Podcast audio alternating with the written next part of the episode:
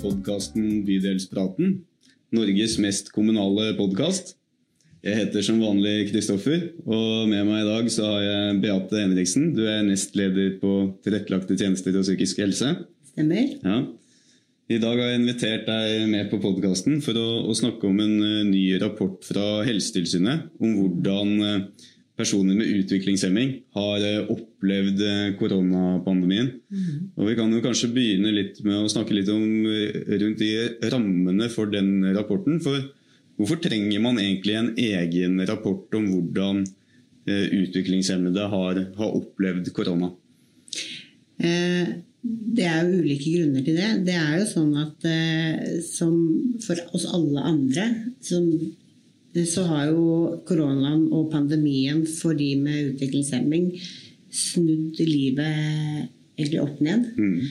Eh, og så er det jo sånn at eh, mennesker med en utviklingshemming er jo en eh, sårbar gruppe ja. i samfunnet. Mm. Mm. Det var jo mye sånn fram og tilbake om de prioriteringsgruppene i starten. Mm. Og da, da, ble det jo, som du sier, da, raskt definert som en, en utsatt gruppe. Mm. Og hva, hva, på en måte blei konsekvensene av det? Det som er når du har en sårbar gruppe, da, er jo at den summen av de tiltakene som vi hadde i samfunnet, de ja. Eh, ramma de sårbare gruppene ekstra hardt. Og eh, det er jo sånn at eh, personer med utviklingshemming har jo en del ekstra utfordringer som vi andre ikke har. Ja. Mm. Mm. Litt annen eh, problematikk, ja. Men eh, hvis vi Og det er jo liksom interessant at det, er kanskje ikke hvert enkelt tiltak, men liksom summen av, av mm. flere ting da, som kanskje mm. opplevdes mer inngripende for den, den her, her, gruppa, som kanskje liksom gjorde at totalbelastningen blei ble stor. Da. Mm. Men for de som hører på, så kan vi jo kanskje gå litt inn på hva har de her tiltakene vært. For mange personer med utviklingshemming de, de bor jo f.eks. i i samlokalisert bolig. Mm. Og, og hva, hva, har på en måte skjedd der under pandemien? Hva har liksom vært annerledes ja, jeg, tror, jeg tror ikke altså, det, de, de, bor jo ikke noe annerledes. Men det som er, er jo at de gjerne bor um, i eh, har leiligheter, men at de har fellesarealer, f.eks. Ja. Og at de har personale til stede kanskje hele døgnet. Mm. Eh, og eh, det gjør jo at Eh, F.eks. i fellesarealene da, så ja. har det blitt eh, satt opp eh, regler for hvor, hva man kan og ikke kan gjøre. Ja. Og det er ganske spesielt hvis man i en stue hjemme hos noen skal sette opp regler for hvordan man skal oppføre seg, og så har du noen som passer på ja. at du følger reglene. ikke sant? Ja, det, det kan jeg skjønne. At det, mm. ja, Og så at det plutselig blir helt Ikke helt, men at det blir noen andre regler. da for mm. hvordan du kan, kan, oppføre deg på en måte hjemme. For jeg antar at det fellesarealet av, av mange av, av, disse oppleves liksom som en naturlig forlenging av egen, egen leilighet. Det er det det gjør. Og så er det jo sånn også at spesielt i starten av pandemien ja. så var jo alle usikre, vi visste lite, mm. vi var redde. Ja. Og det kan ha ført til, og det vet vi har ført til, at enkelte steder så ble det satt uh, regler som egentlig gikk på tvers av hva man har lov til. Mm. Uh, men det var jo i beste mening. Ja, det var jo selvfølgelig ja. med, med gode, gode, intensjoner. Og man retta opp i det ganske raskt. Ja, mm. eh, Vi fikk jo fort litt mer kunnskap også, men det er jo som du sier, da alt var helt nytt, Mm. Så det var jo ikke bare i sånne bemanna boliger man var usikker på hva man skulle gjøre. Det var jo i, i hele, hele, samfunnet. Hvis vi går litt, litt videre fra de, de, boligene, da. For dette er jo personer som også jobber og har aktivitetstilbud mm. på dagtid, går på dagsenter. Og, og, og de opplevde jo også at det kom noen begrensninger også her. Mm. Enkelte opplevde jo Og jeg må bare si at denne rapporten er jo eh, Man har jo intervjua eh, personer i hele Norge. Ja. Og det er jo veldig ulikt, fordi kommunene er ulike. Ja. Men eh, noen opplevde at dag, eh, altså jobbene deres stengte. At de ble mm. permitterte som resten av befolkningen. Ja. Mm, De som har et dagtilbud i form av dagsenter, opplevde kanskje at dagsenteret stengte, eller at de bare kunne være der delvis. Og de som går på skole, opplevde kanskje at skolen stengte. Mm. Og det er jo utfordringer knytta til det. F.eks.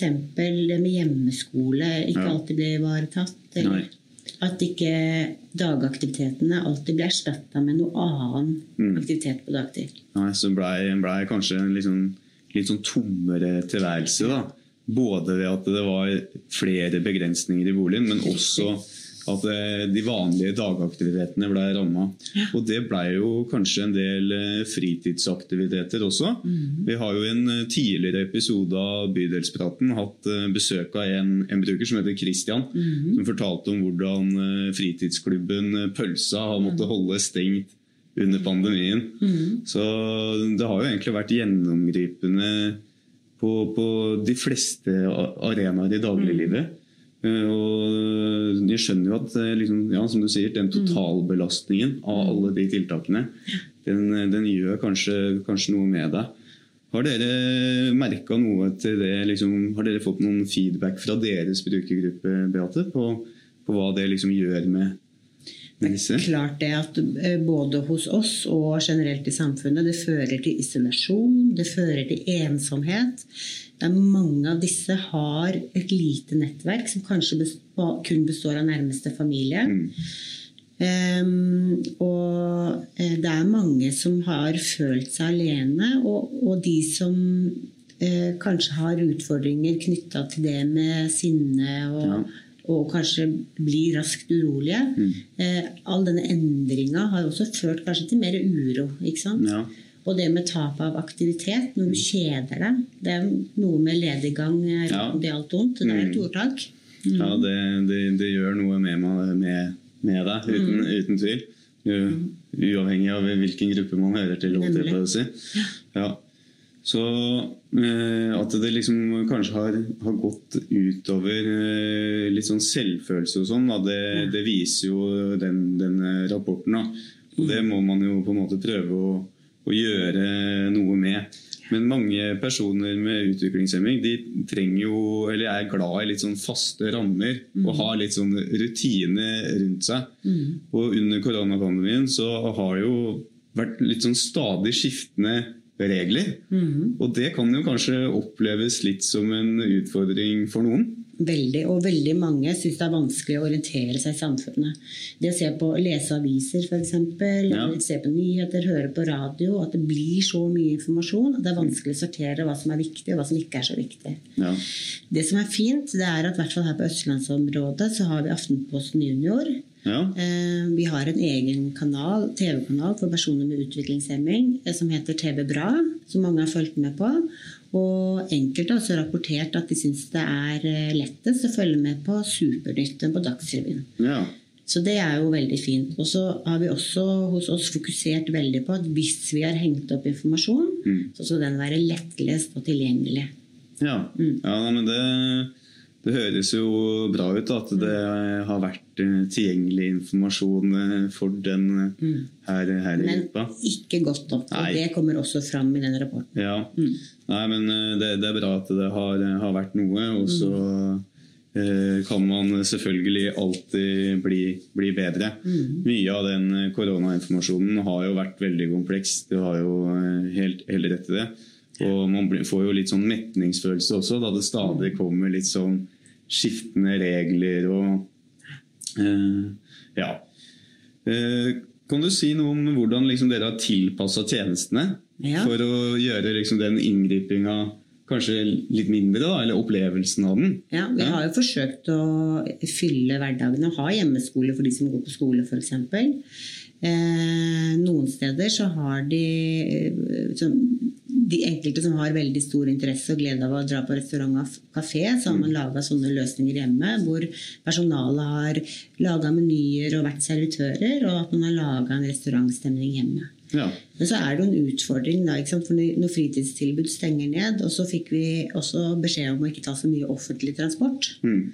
Og mange av våre eh, brukere har jo en stor glede av å ta offentlig kommunikasjon. Så det har jo vært mye turer. Ja. Men um, Det er kanskje bedre enn å sitte alene i en leilighet. Da. Ja. Vi må begynne å gå litt sånn inn for landingen, Beate. Skulle Ja. egentlig ønske vi kunne, kunne snakka litt, litt mer om det her. Men uh, vil du ha en avsluttende replikk? Det vil jeg veldig gjerne. Fordi at jeg tror det at uh, personer altså Personer med utviklingshemming er en veldig sårbar gruppe. Og de har mista kontakt med sitt nettverk. Mm. arbeidskollegaer, venner og tjenester. Og det kan eh, også ramme hardere for sårbare grupper og gi en lavere livskvalitet. Og det viser denne rapporten helt tydelig. Ja. Nei, men eh, Takk for at du kom, Beate. Og Bydelspraten er tilbake om eh, to uker.